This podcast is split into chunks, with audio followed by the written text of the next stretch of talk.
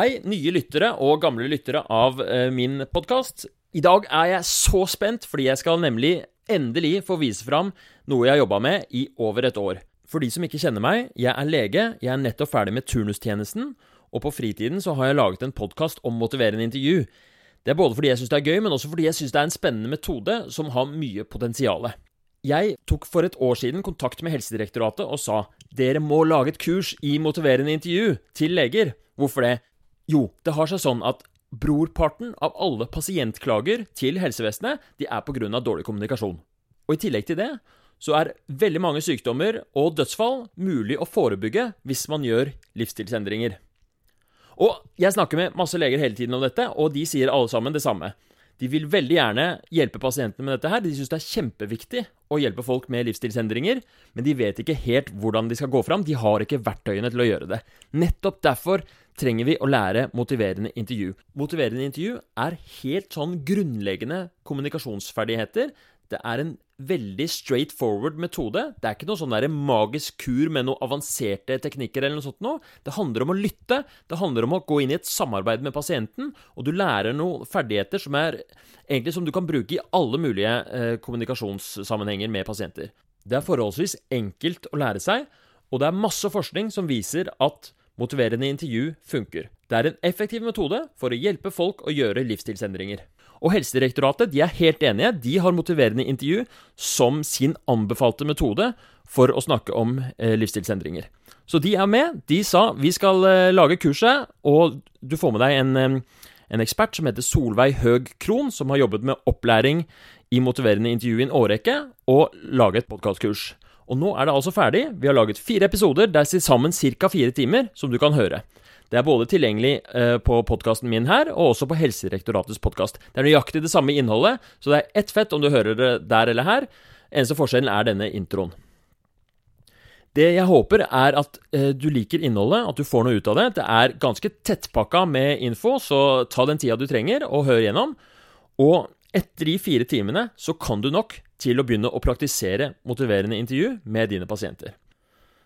Jeg håper at vi kan nå alle legene i hele Norge med det kurset her. Det er helt gratis. Det er fritt for alle å bare laste ned på smarttelefonen. Så hvis du kjenner en lege, vær så snill, send det videre. Og, og det går an å dele det via podkastappen. Bare trykk liksom 'del episode', og så send til en lege du kjenner. Så får vi spredd det til hele gjengen. Dette kurset er absolutt relevant for andre som jobber med pasienter også. Psykologer, sosionomer, ernæringsfysiologer, tannleger, fysioterapeuter, ergoterapeuter, you name it.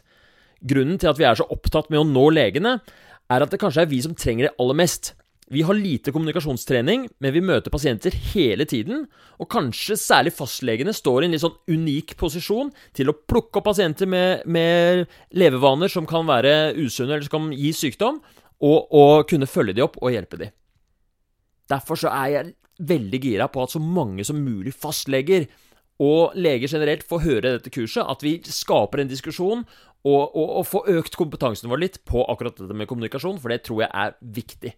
Og kanskje blir da helsevesenet enda litt bedre enn det er i dag. Og en eh, siste ting. Eh, I starten av kurset så sier vi at det er tre episoder i dette kurset, men det er feil. Det er altså fire episoder, som jeg har sagt. Grunnen til at vi sier tre, er fordi da vi spilte inn innledninga, så trodde vi det ble tre episoder, men en måtte deles opp fordi den var for lang. Sånn er det bare med det. Nok om det.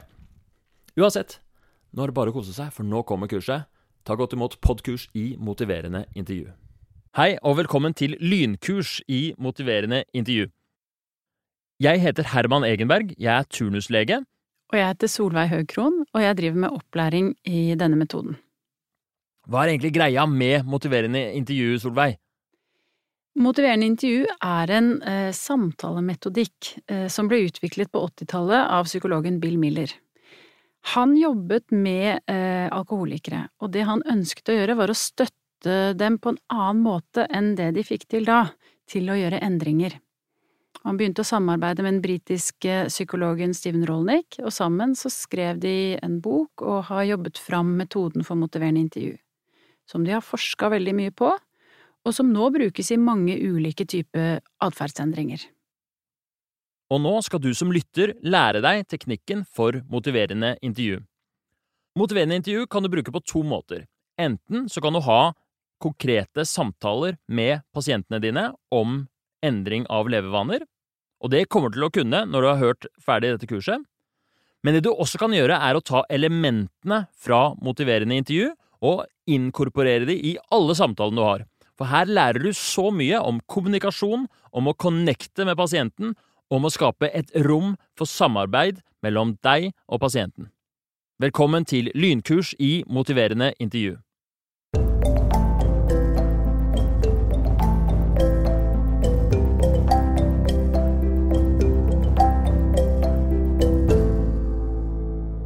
Dette kurset er delt inn i fire episoder, som består av litt teori, litt rollespill, det vil være besøk av ekte pasienter som du skal ha samtale med, Herman, og du vil få tilbakemelding på samtalene.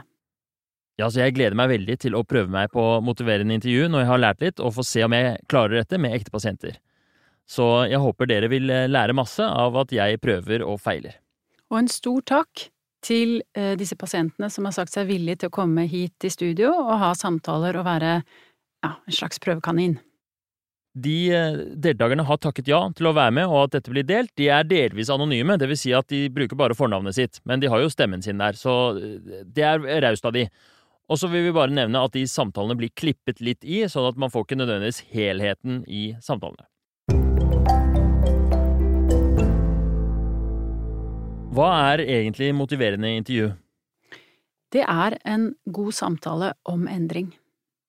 Og det er en samtale om endring eh, hvor du skal bruke ulike teknikker for å oppnå og skape indre motivasjon, og samtidig så er det en holdning man har med seg eh, overfor den man snakker med, en holdning av aksept og anerkjennelse.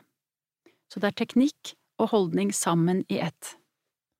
Så de, når de lagde motiverende intervju, liksom, så fant de ut at eh, for å hjelpe folk med endring, så, så greit nok, du kan lære deg teknikker, men du må ha med en eller annen sånn form for innstilling eller holdning inn i samtalen. Ja, og målet er jo at eh, pasienten som du snakker med, skal få såpass mye motivasjon til å gjøre en endring at den faktisk gjør det.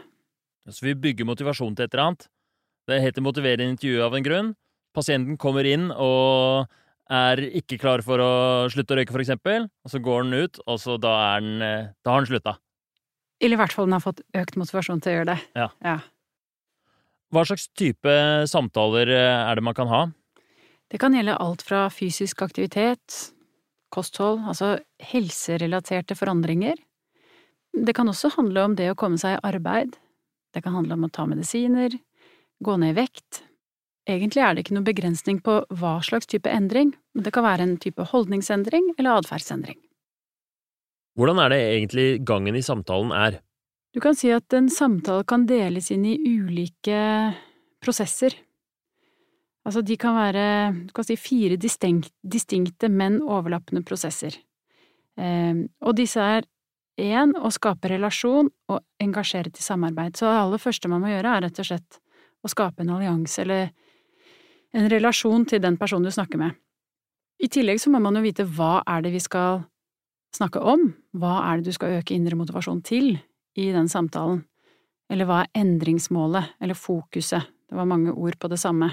Ja. Men det er på en måte prosess nummer to. Så første prosessen kan du si at det er eh, gjennomgående i samtalen. Vi må jo på en måte hele tiden jobbe med relasjonen. Hvis du begynner å argumentere for min endring, eller kritisere meg eller konfrontere meg, så mister jo du den relasjonen selv om du har startet på et godt sted. Så det handler om å opprettholde relasjon sånn at pasienten, personen, har lyst til å snakke videre, sånn at den er villig til å utforske med deg.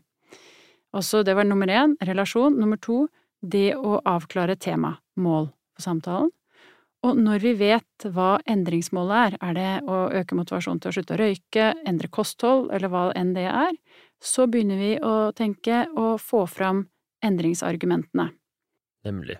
Fremkalle. Det er da trappetrinn nummer fire, hvis vi tenker på disse prosessene som en trapp. Tre, var det ikke? Det var én ja, relasjon, ja, to mål, tre, tre Endringssnakk. Takk, fremkall endringssnakk. Mm. Og så det fjerde trappetrinnet er planlegging. Nemlig. Ja, Så du går ikke til planlegging før du har skapt nok indre motivasjon til endring ved å tydeliggjøre endringsargumentene ja. personen har. Og det er fremkallings... Ja, Det er den der utforskningsbiten, ikke sant? Ja. Få pasienten til å, å bable i vei om, eh, de, om eh, argumentet for og mot endringen. ja. Og først når du er ferdig med det, så kan du gå over til Ja. planen. Så du sier ikke 'Å ja, du har lyst til å begynne å trene'. Ja, hvordan skal du gjøre det? For hva har jeg egentlig gjort når jeg sier det? Du kommer til meg, La oss si at du kommer til meg, og så jeg spør direkte 'Hvordan skal du få til å begynne å trene?' For da spør jeg deg egentlig om planleggingen. Ah, går, ikke sant? Du hopper over. Ja, så, så det som er spesifikt med metoden for motiverende intervju, er det fokuset på fremkalling, som er Ja. trappetrinn nummer tre. Det at man faktisk fremkaller personens indre motivasjon, og så begynner man å tenke hva du skal gjøre med det. Så dette er oppskriften. Du kan si at det er rammen, og så har du en oppskrift til, og det er hvordan skal du gjøre, hva er de tekniske ferdighetene Ja. som du skal gjøre. Men Så strukturen og rammen i samtalen er egentlig ganske enkel. Det er fire deler. Ja. Én, få eh, god relasjon. Skape kontakt. To er å, um, å eh, bestemme seg for målet, eller bli enige om Ja, målet. ja. Og tre er å fremme dette endringssnakket og få pasienten i prat. Ja. Og utforske. Ja. Og fire er å planlegge. Ja. Og ikke lov å planlegge for tidlig. Hvor lang tid tar en motiverende samtale? Det kan være alt fra fem minutter til fem samtaler. Sånn at den rammen som vi snakka om, disse prosessene i samtalen, den gjelder i en femminutters samtale, som regel. Og noen ganger så gjør du jo alle tingene på en gang. Du skaper relasjon samtidig som du vet Altså, du får en pasient inn av døra som skal slutte å røyke. Eller som er, Ja. lurer på om den skal slutte å røyke. Og da må du jo Da er jo temaet gitt. Og du skaper relasjon samtidig som du utforsker temaet. Så de tre første trappetrinnene skjer i ett, og kanskje har du bare de ti minuttene med den pasienten. Noen ganger er kanskje planen lagt også, at eh, pasienten har slutta å røyke, Ja. og det er en slags oppfølging eller noe sånt Ja. noe. Og da kan du også drive en MI-samtale, for det du vil gjøre da, er at du, du opprettholder motivasjonen for den planen for røykeslutten. Hva er det som er godt med det? Du kan, du kan stille fremkallende spørsmål for å, for å forsterke eh, viktigheten, sånn at personen fortsetter å opprettholde den endringen som er gjort. Spennende.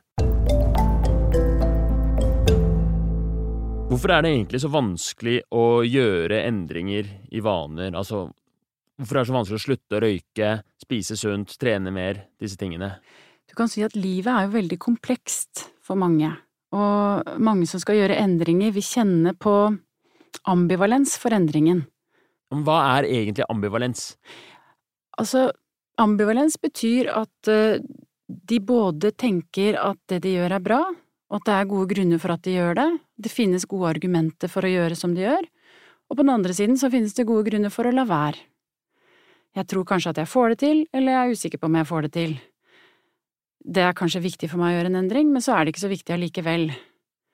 Sånn at ambivalensen, det er alle personens tanker og erfaringer og følelser som er motstridende, og det handler ofte om et tema, for eksempel røyking.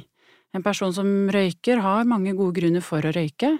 Det smaker godt, det er noe vedkommende har gjort hele livet, eh, smaker godt med kaffen, ikke sant, alle disse tingene, det er godt å være sosial. Det er den ene siden, og de argumentene som personen har for å røyke, de holder personen tilbake fra å gjøre endringen.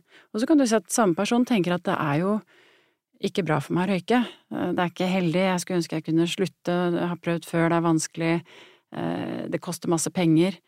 Alt det vil være Den samme personen har de argumentene også, og så klarer den ikke å rydde i de argumentene for seg sjøl, eller de følelsene og erfaringene som, som ligger der. Så det er et sånt svært kaos av følelser og tanker og ting som stritter mot hverandre, og Ja. Gamle minner og Ja. rufs. Ja, og så kan du si at når en person da ikke endrer, så er det jo de argumentene for å gjøre som før som vinner, i gåstegn. Det er de som er tydeligst for personen, det er de personen handler etter. Ok, men hva gjør vi med det her, da? Hvordan bruker vi dette til å hjelpe folk å, å gjøre endringer? Det er jo flere ting vi gjør, men noe av det første vi må gjøre, er å vise anerkjennelse, forståelse for, empati for persons perspektiv. For at det er gode grunner for å fortsette som før. For at personen liker hva enn den liker med å røyke eller drikke eller spise usunt. Altså, vi møter personen der personen er. Ok, Så man begynner med å anerkjenne og si liksom du er ikke dum fordi du røyker, og så tar man det derfra. Ja, det er akkurat det vi ønsker å formidle til personen. Det er den holdningen vi har, holdningen av anerkjennelse. Og så kan du si at vi bruker ulike typer teknikker og ferdigheter for å formidle den anerkjennelsen. Men det er ikke nok å bare vise forståelse, empati for persons perspektiv. Det er halve historien. Den andre delen av historien handler jo om å løfte fram de negative konsekvensene for personen, hva som er, ville vært bra med å eventuelt gjøre en endring. Alle de gode grunnene pasientene har for å gjøre endring, som, de er jo der, de òg, men de, som, de, er kanskje, de er kanskje litt sånn der undertrykt av alle de der driftene mot uh, det negative. Ja, ikke sant, sånn kan du si det. De blir underordna. Når personen røyker, så kan de ikke forholde seg til alle de gode grunnene for å la være å gjøre, nei, for å gjøre en endring. Så den styres av grunner for å fortsette som før. Så MI-samtalen handler jo om å skifte den balansen, ved først å anerkjenne grunnene, og dernest å løfte fram den andre siden av saken. Og det gjør vi ved å ha fokus på personens viktige grunner, altså hva er det som er faktiske ulemper for personen med røykingen? Hva er det som ville vært bra for personen med å gjøre det annerledes?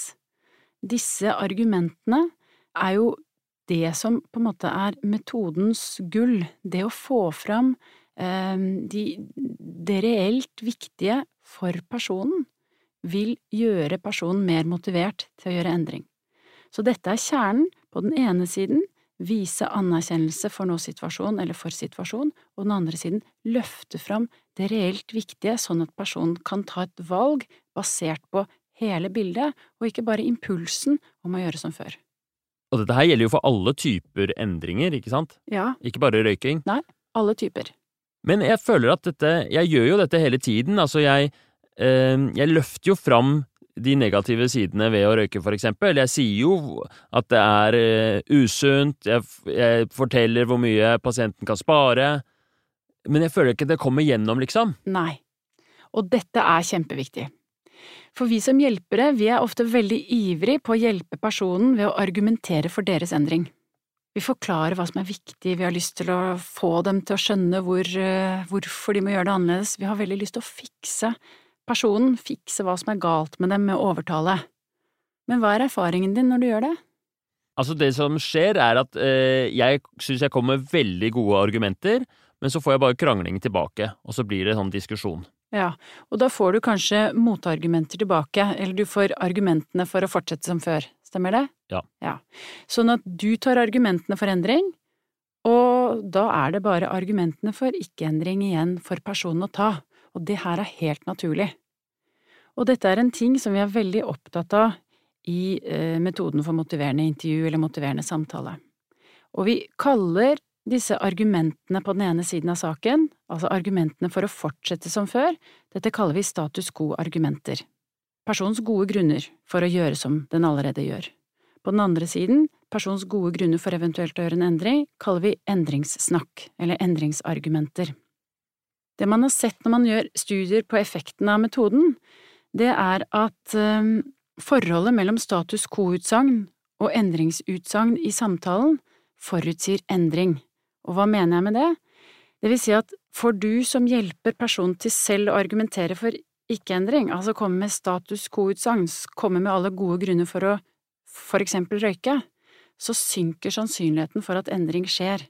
Sånn at hvis du er den hjelperen som er litt sånn ivrig på å hjelpe personen med dine argumenter, og du får personen til å komme med motargumentene, altså sånne som at ja, men det er jo så godt med denne kaffekoppen, og jeg har jo røykt i alle år, og det er jo tross alt veldig sosialt. Så hvis du får personen til å si sånne ting, så synker sannsynligheten for at endring skjer. Og motsatt, hvis du får personen til selv å argumentere for endringen, altså komme med endringssnakket, så øker sannsynligheten. Så hvis du legger samtalen til rette for at personen sier ja, nei, det er jo ikke bra for meg, og jeg er jo egentlig veldig bekymra for, for jeg vet jo at tanta mi fikk kreft, og jeg har tenkt mye på det, og så videre. Så hvis du får personen til å sette ord på den siden av saken, så øker sannsynligheten for at endring skjer. Så hvis jeg skal få en pasient til å slutte å røyke, så må jeg på en eller annen måte få han til å snakke om de fordelene ved å slutte å røyke selv? Nemlig det er jo ikke så lett, da. Det er jo, jeg merker det er jo veldig fristende å, å å argumentere og komme med gode råd selv. Ja, og det tror, noe, det tror, jeg er noe alle hjelpere kjenner seg igjen i. Lysten til å fikse, lysten til å løse for personen, og det kommer jo fra et veldig godt sted. Det kommer jo fra et oppriktig ønske om å støtte personen. Og så er det bare det at det ikke alltid er støttende. Men som du sier, du har veldig lyst til å gjøre det, og Bill Miller og Steven Rolnick de går så langt at de kaller det en refleks. De kaller dette her korrigeringsrefleksen. Hjelpers ønske om å fikse den personen man snakker med. Det her kjenner jeg meg så igjen i. At eh, det bare bobler i meg ting jeg har lyst til å ordne og løse hos pasienten, ting jeg har lyst til å si, ting jeg Altså, det her tror jeg er helt sånn iboende i mange. Ja, det er virkelig en av de tingene jeg ser at folk sliter aller mest med når de skal lære denne metoden, det er å holde tilbake den refleksen. Så derfor så tenkte jeg at vi kunne ta en liten øvelse på det, bare for å få det helt tydelig. Hva er effekten når vi gjør det med å prøve å korrigere, kontra å prøve å hente fram argumentene fra personen? Ok, så vi skal gjøre eh, to øvelser nå som ligner veldig på hverandre, hvis du kan tenke på en helserelatert forandring som du har lyst til å gjøre i ditt liv, noe du er litt ambivalent til. Og så tenkte jeg at du skal få lov til å snakke om det to ganger, og jeg skal være hjelper, og i den første runden så skal jeg være litt på på din endring, og jeg skal prøve å fortelle deg hvorfor det er lurt å gjøre endringen, og i den andre så skal jeg prøve å få deg til å fortelle meg hvorfor det er lurt å gjøre endringen. Så i den første så skal du la korrigeringsrefleksen løpe helt fritt? Ja. Og så er målet rett og slett å se hva skjer med deg i den ene og i den andre. Ålreit, jeg er klar. En ting som jeg er litt sånn eh, ambivalent til, det er å matlaging. Jeg har litt dårlige matvaner. Jeg spiser ofte på restaurant eller bestiller takeaway når jeg kommer hjem fra jobb, og fordi jeg har en hektisk hverdag, det er kjedelig å lage mat, jeg har det liksom ikke inn i rutinen, og jeg veit jo at jeg burde lage mer mat selv. Det er billigere, det, er, det smaker mye bedre, det er litt sunnere sikkert. Men um, jeg, altså det blir sånn derre typisk meg å bare smelle ut en sånn derre bestilling på Fodora-appen, og så kommer det en syklist. Ja, og det er jo ikke så veldig eh, bra for eh, helsa di, egentlig, at du bestiller så mye mat ute. Det er ikke så sunt med sånn type ferdigmat. Ja, det er sikkert sunnere å lage selv. Nå er det jo Altså, når det er sagt, så øh, bestiller jeg jo Fokuserer jeg litt på at det skal være sunt. Altså, jeg bestiller hvis jeg Altså, jeg tar ikke bare junkfood hele tiden. Jeg spiser jo av og til på restaurant hvor det er sunn mat og Ja, men selv på restauranter med sunn mat, så er det jo mye mer salt i maten enn det som på en måte man skal ha, og det er sikkert en del fett, og det er råvarer som kanskje ikke er verdens beste. Ja, jeg vet, jeg vet, ikke om det er Det er i hvert fall ikke hovedproblemet uh, for meg. Det du kan gjøre, er jo kanskje at du kan uh, Altså, du sier at det er vanskelig å lage mat. Kanskje du skulle gått på et matkurs? For får du deg et matkurs, så vil det jo være Da blir det jo mye lettere. Kanskje det kan på en måte gjøre at du får mer lyst til å lage mat hjemme? Ja, det kan jo hende det. Uh, jeg har eh, jeg er, Det er ikke det at jeg Jeg er ganske god til å lage mat. Det er ikke det som er problemet. Det er mer at Det er mer det derre uh, Det er mer sånn vane, egentlig. Jeg gidder ikke Jeg har så mye greier på gang. Jeg jobber, jeg trener, jeg har masse sosiale ting og driver med prosjekter, lager podkast og motiverende intervju. Så det ikke sant. Så det du må gjøre, er rett og slett å Kanskje du må begynne å handle på veien hjem? Ikke sant, at du forbereder deg sånn at du vet akkurat hva du skal handle, ha med deg. Mm, fin ting å gjøre, det er å lage plan. Du lager en ukeplan, og så handler du for den. Så har du bestemt deg for den og den. Jeg merker at jeg soner ut, jeg nå. Det, det her kommer vi ingen vei med. Gjør du virkelig det? Faktisk. Jeg sona faktisk ut. At ah, jeg mista deg, liksom. Ok, supert. Eh, og du kan jo si at kanskje jeg gikk veldig langt i å foreslå forskjellige ting, og jeg jobbet egentlig ganske hardt for å prøve å få deg til å sone ut med å være veldig villig til endring på dine vegne. Jeg prøver å få deg til å endre deg, så fortell mer. Du sier du soner ut. Ja, for du har jo gode råd, egentlig, men jeg bare eh, Det er litt sånn kjedelig å høre på det er som om jeg har et eller annet som eh, Jeg vil, jeg vil liksom jobbe med problemet Jeg er jo Når jeg begynner å snakke, så har jeg lyst til å løse dette her. Og så er det ikke noe digg, egentlig, at du, du har løsninga for meg. Nei, ikke sant? Sånn at eh, hva ble det av dette med samarbeid? Hva tenker du om samarbeidet i vår samtale akkurat nå? Ja, det, altså det jo, blir jo dårlig resultat, liksom. Er, men, men, samtidig, jeg, jeg, skjønner på en måte at du gjør det. Jeg tror jeg gjør det der masse sjæl, at jeg kommer med løsninger. For det er jo gode ideer og gode løsninger, og hvis jeg bare hadde gjort det, så, så hadde det sikkert uh, løst problemet mitt. Men det, det, det funker ikke, fordi jeg er ikke del av det. Jeg får ikke lov til å være med i prosessen. Jeg er ikke klar, liksom, for å NB. Altså, jeg sier bare NB, for det er jo dette som skjer når uh, vi hjelpere har lyst til å, å, løse problemer til folk på denne måten her. Kan vi prøve en gang at du, du gjør det riktig, og så ja, får vi se åssen det er? Det skal vi gjøre. Vi gjør det en gang til, og denne gang skal jeg være en veileder som stiller deg spørsmål, uh, jeg gjør refleksjoner og oppsummerer, bekrefter det du sier. Ok.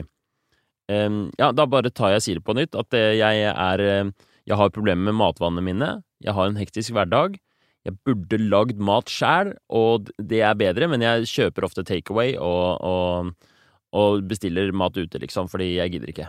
Ja. Sånn at det er veldig hektisk i hverdagen din, og det er vanskelig å finne tid til å lage mat. Ja, jeg har, jeg har jobb, jeg har masse prosjekter utenom, jeg har masse sosiale greier jeg driver med. Det, er, det blir litt nedprioritert, da. Mm. Og det blir nedprioritert, og samtidig så har du egentlig ikke lyst til det. Jo, jeg har Altså å nedprioritere det? Nei, jeg har ikke lyst til å nedprioritere det. Helt riktig. Altså, jeg, jeg, eh, jeg drømmer egentlig om å, å lage mer mat sjøl. Jeg syns det er dritgodt når jeg lager selv, og bare Jeg blir alltid glad av det. Det er en god følelse å stå over grytene, og det er bare liksom komme seg til å gjøre det som jeg mm. det, er ba, det, er bare at det er en litt sånn dårlig vane. Jeg tror jeg kan komme i gang med det, hvis jeg bare Ja. Så, sånn at du En ting som du liker med å lage mat, er dette å stå over grytene. Det finner du glede i? ja, da føler jeg meg som en rå fyr. Da, ja, ikke sant. Det har noe Det er eh, Det er en viktig ting for deg.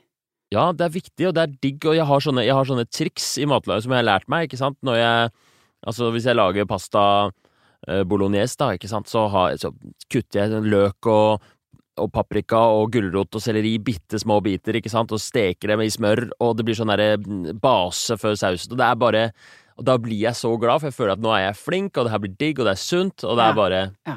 Så det er en sånn det.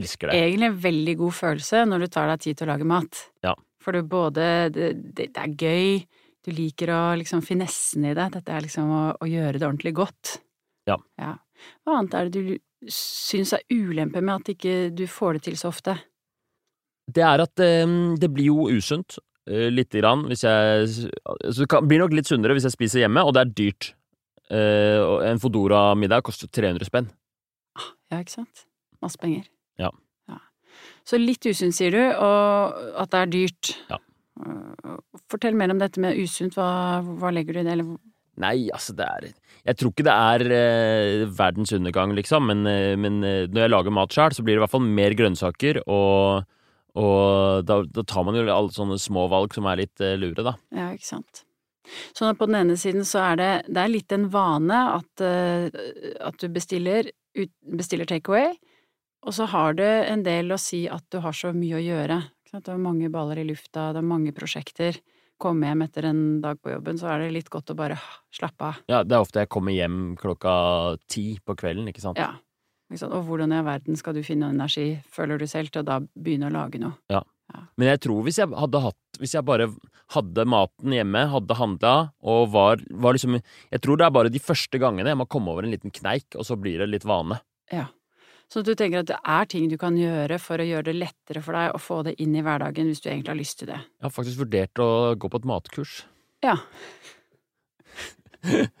ok, fikk du Det var jo helt annerledes opplevelse, da. Kan jeg bare ta en siste mm. oppsummering? Mm. Så på den ene, altså Nå sa vi jo litt sånn hva som gjør at det, det stopper deg. Og så sier du også at når du gjør det sjøl, så er det så eh, Du er så fornøyd. Du liker maten du lager. Du føler deg, eh, føler deg skikkelig mm, bra. At dette her eh, er noe som er viktig for deg. Ja. Du får mm, Du tenker at du vil få mye mer grønnsaker inn i hverdagen. Du tenker at det vil bli billigere. Jeg tenker på en scene fra Sopranos hvor du ser kryssklippes at Tony Soprano gjør noe sånn mikrobølgeovnmat som er skikkelig usunt. Det er han tjukke, ja, ja, ja. ulykkelige mannen. Og så er det Furio som står her og lager noe pasta på egen hånd, og det er fin klassisk italiensk musikk på, på anlegget, og det bare er Det, det illustrerer akkurat det jeg føler, Ja. føler jeg. At det er en, en stolt, god mann, liksom, skal Ja. lage maten sin sjæl. Ja, så det I hvert fall iblant. Ja, så det er på en måte så enten så er du Tony, eller så er det Furio. Så når du lager god mat, så er du Furio, og da er du den flotte Oreo. Oreo. den flotte mannen som du har lyst til å være, og når du ikke gjør det når det er mye takeaway, så er det Tony. Ok, så la oss si at eh, det var øvelsen vår. Har gjort den litt kort, men eh, det gjør ikke noe. Hva skjer når vi gjør det på denne måten? Nei, nå ble jeg jo mye mer ivrig sjæl, i hvert fall. Jeg glemte helt at vi lagde kurs om eh, motiverende intervju, og ble opptatt av å fortelle, og jeg Altså, det- Jeg sier ikke det er for gjørs, liksom, men jeg ble faktisk motivert av det her. Jeg syns det var jeg, jeg, jeg tror det er større sjanse nå for at jeg lager meg middag i kveld. Ikke sant? Og vi kunne jo gått lenger i en samtale, men dette var bare for å illustrere forskjellen på å prøve å Når jeg da stjeler dine argumenter I stad så sa du da ble det jo ikke mot Du zooma helt ut. Og på mange måter så var jo noen av de samme argumentene, var det ikke det? Du begynte å snakke om sant? At du var- kunne ja. handle maten sjøl, og kanskje du skulle forberede det. Og eh, den derre Ja, til og med det var litt absurd, da, men det, når du sa matkurs i stad, så tenkte jeg nei, men så da jeg sa det selv, så tenkte jeg at det kanskje var aktuelt. Men, men um, en, en ting jeg tenkte på, var at det var mye gøyere nå. Det var eh, Jeg, jeg koste meg litt eh, Ja. mens jeg snakka om det her. Ja, I stad var det kjedelig, nå var det gøy. Ja. I stad var det jeg som snakka, nå var det du som snakka. Er det, men er det, det er ikke bare fordi jeg er eh, selvopptatt og liker min egen stemme. Nei, jeg Er tror det er sånn? Alle er sånn. Ja. Altså, det Poenget er at eh, det gir jo ikke mening at jeg skal overta dine tanker, dine ideer, din verden. Så det er jo det jeg gjør på en eller annen måte i første runde. Så er det jeg som tar styringa, jeg som bestemmer. Så når vi snakker om disse grunnverdiene i metoden, at metoden skal foregå i et samarbeid, så ser du veldig stor forskjell på den første og den andre øvelsen. Ja, fordi i den første så var det som om du på en måte invaderte litt. At det var mine Du var inne i min space. At jeg fikk ikke sagt det jeg ville si fordi eh, du var litt sånn oppi grillen min. Ja. Og i den andre så var det Så åpnet jeg opp for at du fikk utforske, fortelle, snakke. Ja. Det føltes mye bedre. Sånn at vi blir mye mer likeverdige i de to, den siste samtalen enn i den første. For i den første, så når jeg da invaderer, så blir det litt sånn ovenifra og ned, gjør det ikke det? Ja, og det blir Som blir om jeg vet bedre hva som er viktig i ditt liv, ja, enn du. Og så var det så åpenbart for meg at du ikke gjorde det. Ja. Selv om du trodde det ble en sånn misforståelse, fordi du trodde dette her handlet om at det var sunt, men det var, det, egentlig så er det andre ting. Ikke sant. Eller det kan til og med være at det ikke er så forskjellig. At du egentlig ikke misforsto så veldig, men det føltes som om du ikke forsto meg. Ja, nemlig. Du sier det veldig tydelig, det føltes som du ikke forsto meg. Altså, punkt to på dette med grunnleggende verdier i samtalen er jo at du skal vise og formidle anerkjennelse og empati, og det oppnår jeg da på ingen måte i første samtale. Og hvordan var det i andre? Ja, da var det mye bedre. Da følte jeg meg forstått. Ja. Ikke sant? Sånn at det lille vi gjør, altså den lille forskjellen Du kan si vi er, vi er helt like personer, vi snakker om det samme temaet, vi snakker om det omtrent like lenge, og så er det to forskjellige verdener. Ja. Og det jeg da gjør i nummer to, er jo at jeg er opptatt av dine tanker rundt dette temaet.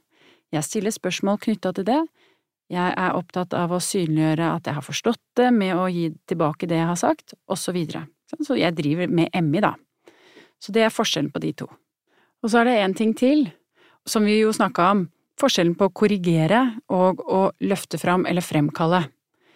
Sånn at det jeg egentlig har gjort, er at jeg har fremkalt eller fått fram dine tanker, vurderinger, følelser, erfaringer knytta til dette temaet, istedenfor å prøve å putte mine på deg. Og dette eksempelet illustrerer eh, på en veldig god måte metodens grunnleggende holdning eller grunnverdier. Nå er jeg veldig spent på å lære akkurat hva det var du gjorde, disse ferdighetene. Ja, Og det er jo akkurat det vi skal gjøre. Men før det så må vi snakke om en ting til, og det er dette å skape diskrepans hos den personen vi snakker med. Du vet kanskje ikke hva diskrepans er. Det har du helt rett i, det vet Ja. jeg ikke. Det er mange som ikke vet det, og det er kanskje det som er litt ulempe med alle disse fremmedordene, men en definisjon av det er at det er en uoverensstemmelse eller mangel på samsvar for en person, altså en uoverensstemmelse mellom ulike argumenter, kan du godt si. Vi kan tenke på at det er når for eksempel grunner for å gjøre som før og grunner for å gjøre, som, uh, for å gjøre endringen krasjer litt med hverandre, og personen på en måte kan nesten ikke forholde seg til at jeg gjør det, men det har jeg virkelig ikke lyst til å gjøre. Så det er sånn intern krig, liksom? Ja, på en måte så er det det. Og målet i samtalen er jo at du skal skape denne uoverensstemmelsen så tydelig for personen at den øh, det eneste logiske veien videre er å løse den uoverensstemmelsen. Og da må den enten løse den uoverensstemmelsen med å bli enig med seg sjøl om at nei, det er greit å fortsette som før, og noen ganger er det jo sånn at argumentene for å fortsette som før er så viktige at ok, jeg velger det, men jeg, om ikke annet så kan jeg falle til ro med, jeg kan ha fred med at jeg velger som før. Andre ganger så vil jo uoverensstemmelsen, diskrepansen, løses av personen med å ville gjøre endringer, for den klarer ikke å ha begge perspektivene oppe hele tiden. Ok, så det er litt det som skjer i, i motiverende intervjuet, at du har um, Man er kanskje man er kanskje litt sånn ambivalent i starten, og ja, det er fint med det, og, og, men det er visse fordeler og ulemper. Men hvis man klarer å komme til bunns i det, hvis man utvikler en sånn der diskrepans hvor, hvor, pasienten ser sånn shit, på den ene siden så kan jeg fortsette å røyke, og ja vel, det er litt digg her og nå, men da får jeg kols. Mens på den andre siden så kan jeg stumpe røyken nå, og da får jeg ikke kols. Og de to realiteter Altså, det går liksom ikke an Det er ikke samsvar mellom de to. Du må gjøre et eller annet med det. Ja, og og tanken er jo da litt sånn som når jeg gjorde oppsummering i stad. Du oppsummerer grunner for å fortsette som før, status quo. Du oppsummerer endringsargumentene, endringssnakket, og så spør du hva tenker du om dette? For da setter du personen et sted der den må forholde seg aktivt til den uoverensstemmelsen, den diskrepansen, og så kan valget være basert på det, og ikke det aller første som var jo da, men det er så godt og jeg liker alle gode grunner for å gjøre, gjøre som før. Ok, dette er litt vanskelig, men eh, jeg føler at jeg skjønner litt mer hva diskrepans er nå. At det er, det er um, For da er jo diskrepans noe vi har lyst til å skape. Ja, det er et sentralt prinsipp. Vi ønsker å skape diskrepans for at personen skal stå i konfrontasjon med sine egne argumenter. Jeg skjønner. Ok, nå har jeg, jeg Jeg tror jeg har forstått et bilde på det nå. Så du har en pasient som har masse, eh, masse tanker og holdninger rundt et eller annet, for eksempel røyking, masse ambivalens, og det du ønsker å gjøre, er å sette det opp til en slags sånn indre konflikt. Så du hever fram og anerkjenner alle de der fordelene med å røyke, og så hever du fram alle ulempene og det store bildet, og så ved å oppsummere så lager du et sånt bilde. Her har du den ene siden, her er den andre siden, fight. Ja. og så, det, så, er det liksom diskrepansen, og hvis du får til det på en god måte, så kan ikke pasienten unngå å se at shit, enten Jeg velger det enten det eller det. At du, du, du på en måte setter det litt på spissen. Ja, for det du vil oppnå, er at du skal tydeliggjøre det så mye for personen at løsningen er å gjøre en endring. Og du kan si at hvis du er, sånn som vi snakka om tidligere, en person som bruker korrigeringsrefleksen, at du går inn og prøver å løse det for personen, så stopper du den prosessen som kan oppstå i personen, som er sånn at åh, personen kjenner at dette vil den ikke ha. Sånn at det du effektivt gjør, hvis du er en person som er veldig god på å gi råd, og ta argumentene fra personen, er at du stopper prosessen av indre motivasjon som faktisk kunne bidratt til endring. Vi har snakka om litt gangen i et motiverende intervju og litt hva man gjør, men hvordan er det egentlig man får til å gjøre det så godt som mulig? Hvordan får man skapt virkelig bra motivasjon? Mm. Jo, du må selvfølgelig gjøre de tingene som vi har snakka om til nå. Eh, og, og, hvordan vi gjør det, hvordan skaper vi motivasjon på denne måten? Hvordan formidler vi grunnholdningen i hjemmet? Hvordan lokker vi fram endringsargumenter?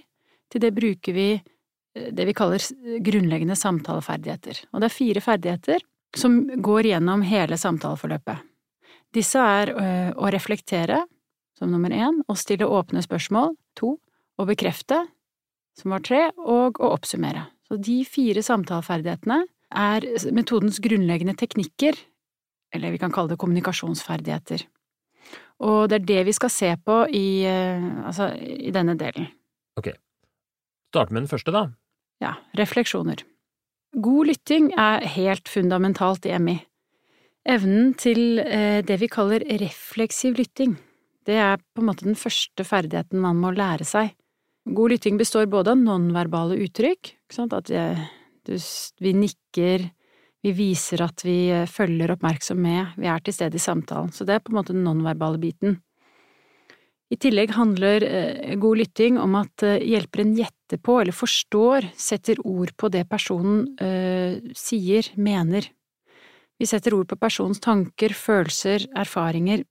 Dette gjøres ved bruk av det vi kaller refleksjoner og oppsummering. En refleksjon, som vi også kaller speiling, handler om å omformulere personens utsagn og tanker slik at denne hører seg selv og kan tenke over dette. Vi både gjentar det som blir sagt, og vi gjentar det som er usagt i samtalen. Så for å ta et eksempel, for å demonstrere forskjellen på å gjenta det sakte og det usagte, kan ikke du komme med et eksempel på ja, noe du tenker på eller en utfordring? Ok, en utfordring jeg har, er at uh, jeg spiser mye takeaway, mye Fodora, og jeg burde jo sikkert lagd mat hjemme, det er billigere, sunnere, men eh, jeg syns det er eh, kjedelig å lage mat hjemme. Jeg får meg liksom ikke til å gjøre det. Det er, det er ikke i vanen min, liksom. Nei. Så det er kjedelig å lage mat hjemme. Det er et eksempel på en enkel refleksjon, eller en refleksjon som gjentar noe av det du har sagt. Ja, for du, nå sa du jo bare akkurat det jeg hadde sagt, liksom. Ja. Eller en liten del av det. En liten del av det. Så, så hva skjedde når jeg sa det? Nei, altså, jeg fikk jo i hvert fall med meg at du hadde hørt hva jeg hadde sagt, da. Ja, så det viser at jeg lytter. Ja, flott. Ja. Og du kan tenke på enkle refleksjoner som toppen av et isfjell. En person som sier noe, og alt det du har sagt, altså jeg hører ordene du sier, og så ligger det antagelig mange flere ting til grunn for det du nå har sagt. Men en enkel refleksjon, det er gjentagelse eller med, med lignende ord, samme ord eller lignende ord, av noe av det du har sagt. Hvis jeg skulle gjort en eh, refleksjon for å sette ord på det som er usagt eller mer utydelig i samtalen, hvis vi fortsetter med metaforen isfjellet, så vil jo det være alt som ligger under vannoverflaten, det vi ikke ser, men vi antar at det er der. Så jeg skal ikke ta og sette… prøve å få ting til å passe inn i deg som jeg ikke antar at er der fra før, så jeg prøver å sette andre ord på det som… ja, la oss nå prøve. Okay. Så si noe av det samme en gang til. Eh, jeg eh, vil gjerne lage mer mat hjemme. Det blir altfor mye takeaway. Og jeg tror det er bedre hvis jeg lager mat selv, men jeg syns det er kjedelig å lage mat, og jeg får meg aldri til å gjøre det. Nei. Så du har egentlig lyst til å bli sunnere? Ja, altså det er både det med at det er sunnere, og bare, det, det, er, det føles litt som waste og hele tiden uh, patetisk, liksom, og bare hele tiden bestille takeaway. Jeg har lyst til å være sånn fyr som er flink til å lage mat hjemme. Ja, sånn at det er egentlig litt viktig for deg. Ja. Ok, stopp. Eksempelet. Nå gjorde jeg det vi kaller en kompleks refleksjon. Den første. Så du har egentlig lyst til å bli litt sunnere. For hva skjedde da? Jo, du snakket videre. Så det, og hva snakket du videre på? Nei, da, det, da dukket jo opp eh, Det dukket jo opp litt sånn min begrunnelse, kanskje, da. Ja. Det, det kom noe annet. Ja, og den begrunnelsen var endringsargumenter. Ja. Så jeg gjorde en refleksjon som på en måte det, det, ligger i landskapet, eller det ligger under vannoverflaten, for å bruke det bildet igjen. Jeg kan skimte at det er der, at når du sier sånne ting, så handler det kanskje om det. Så for å si den lille, Det var nesten som en liten sånn analyse du gjorde. Bare sånn, det, bare du, du tippa, liksom. Handler det ja. om det? Tolka litt? Ja. Og da fikk det meg til å gå i gang, liksom. Sånn at det er som en gjetning. Men jeg sier det som en konstatering, la du merke til det? Ja, for du, du, spurte liksom ikke, det var mer Nei, sånn Det var påstanden om, så det handler kanskje litt om det. Og hva, hva, er grunnen til at vi skal ha det som konstatering, og ikke som spørsmål? Vi kan gjøre et eksempel, vi kan prøve bare for å vise et eksempel. Du sa, du sa noe om at jeg er ikke noe glad i å lage mat. Så den eh, påstandsformen, hvis jeg skal reflektere, så du er ikke så glad i å lage mat. Hører du det? Det vil være min refleksjon. Ja. Da har jeg det som påstandsform. Tonefallet går ned. Mm. Hvis jeg skal si du er ikke så glad i å lage mat, da går det tonefall oppover. Ikke sant? Men da er det jo som om du betviler det jeg sier. Ja, nemlig. Så kanskje den viktigste grunnen til at vi har det som Altså at tonefallet går ned i en refleksjon, at vi har det som påstandsform, er nettopp for å unngå at personen vi snakker med, opplever at vi betviler dem.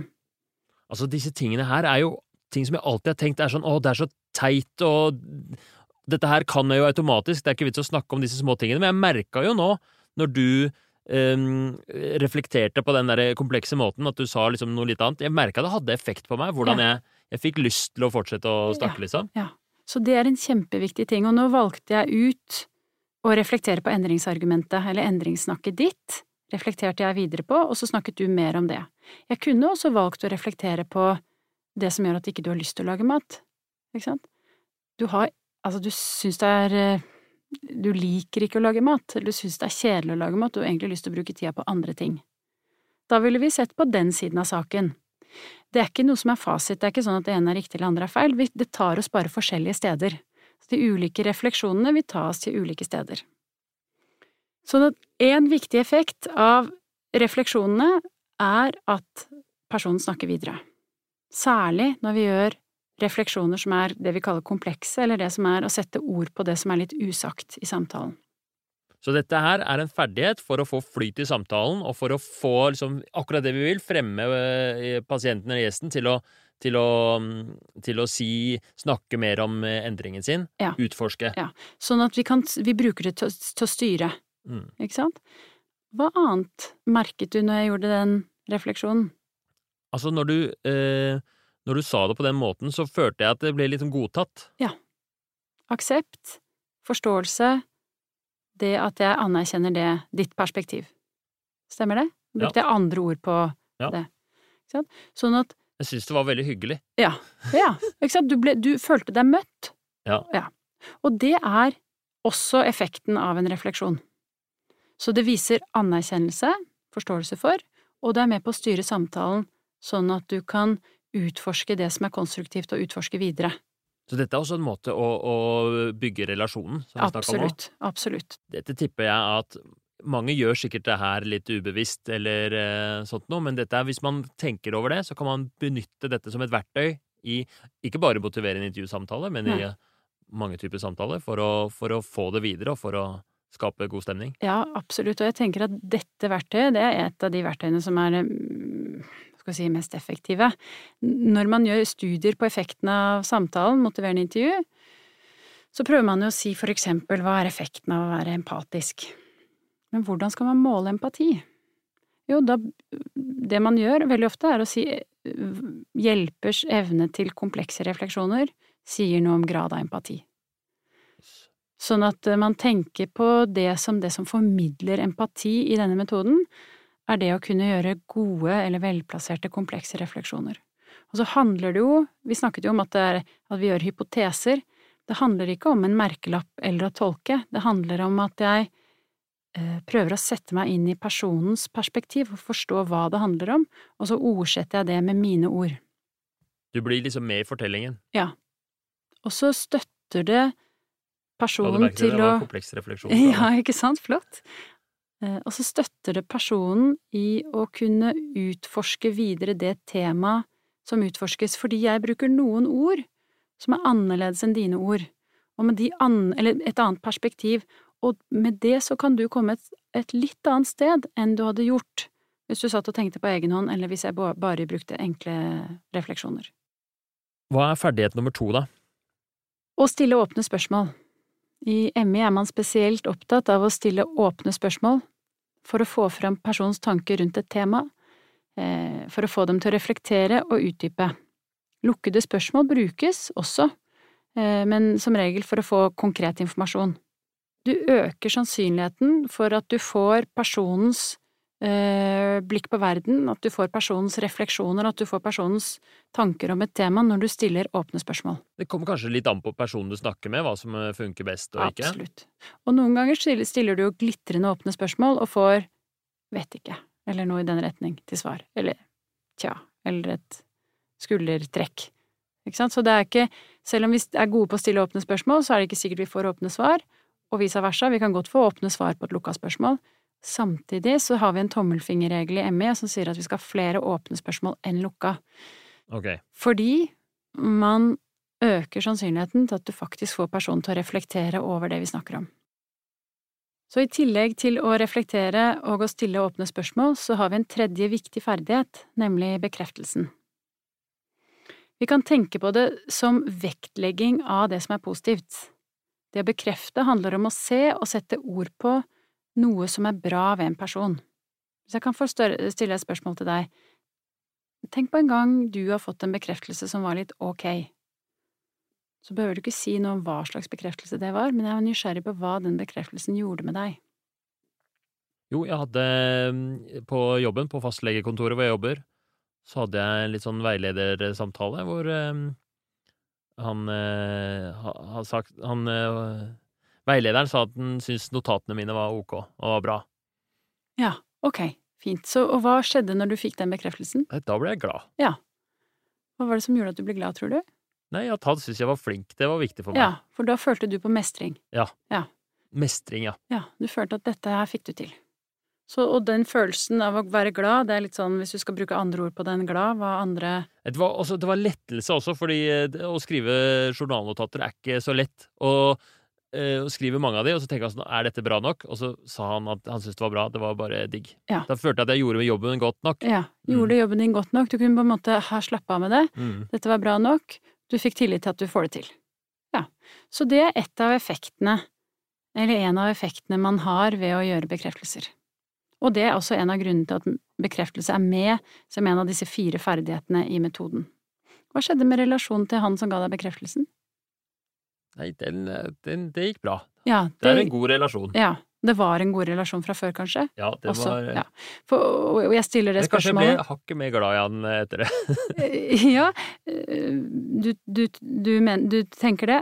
Ja, det, Altså, ja, det er vanskelig å si, da. Jo, jeg kjenner jo han jo ganske godt, da. Ja, for, men, men, grunnen til at jeg spør, er fordi at folk ofte sier nettopp det.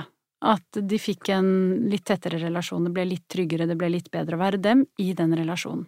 Sånn at du skaper Bekreftelse kan bidra til å skape tillit til seg selv, og det kan bidra til å skape tillit i relasjonen, som jo er det vi er ute etter å få til en samtale.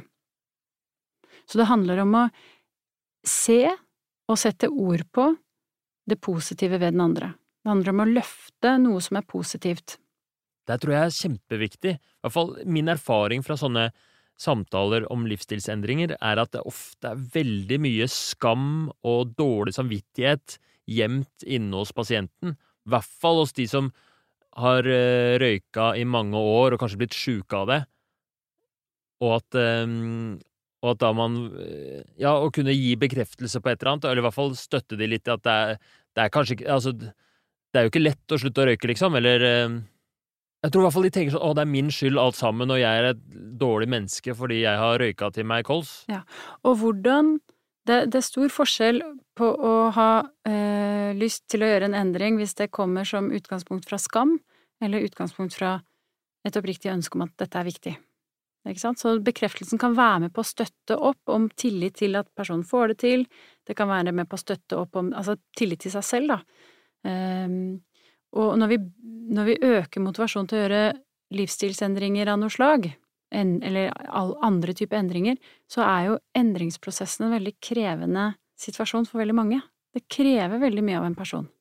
Og derfor så er det viktig at den har eh, nok tiltro i bunn for å faktisk kunne ville eller tørre å gå i gang med endringsprosessen. Så hvordan bekrefter? Altså hvordan å bekrefte noen? Bekreftelser er som sagt kommentarer om noe som er bra ved en person, det handler om å legge merke til og sette ord på det positive.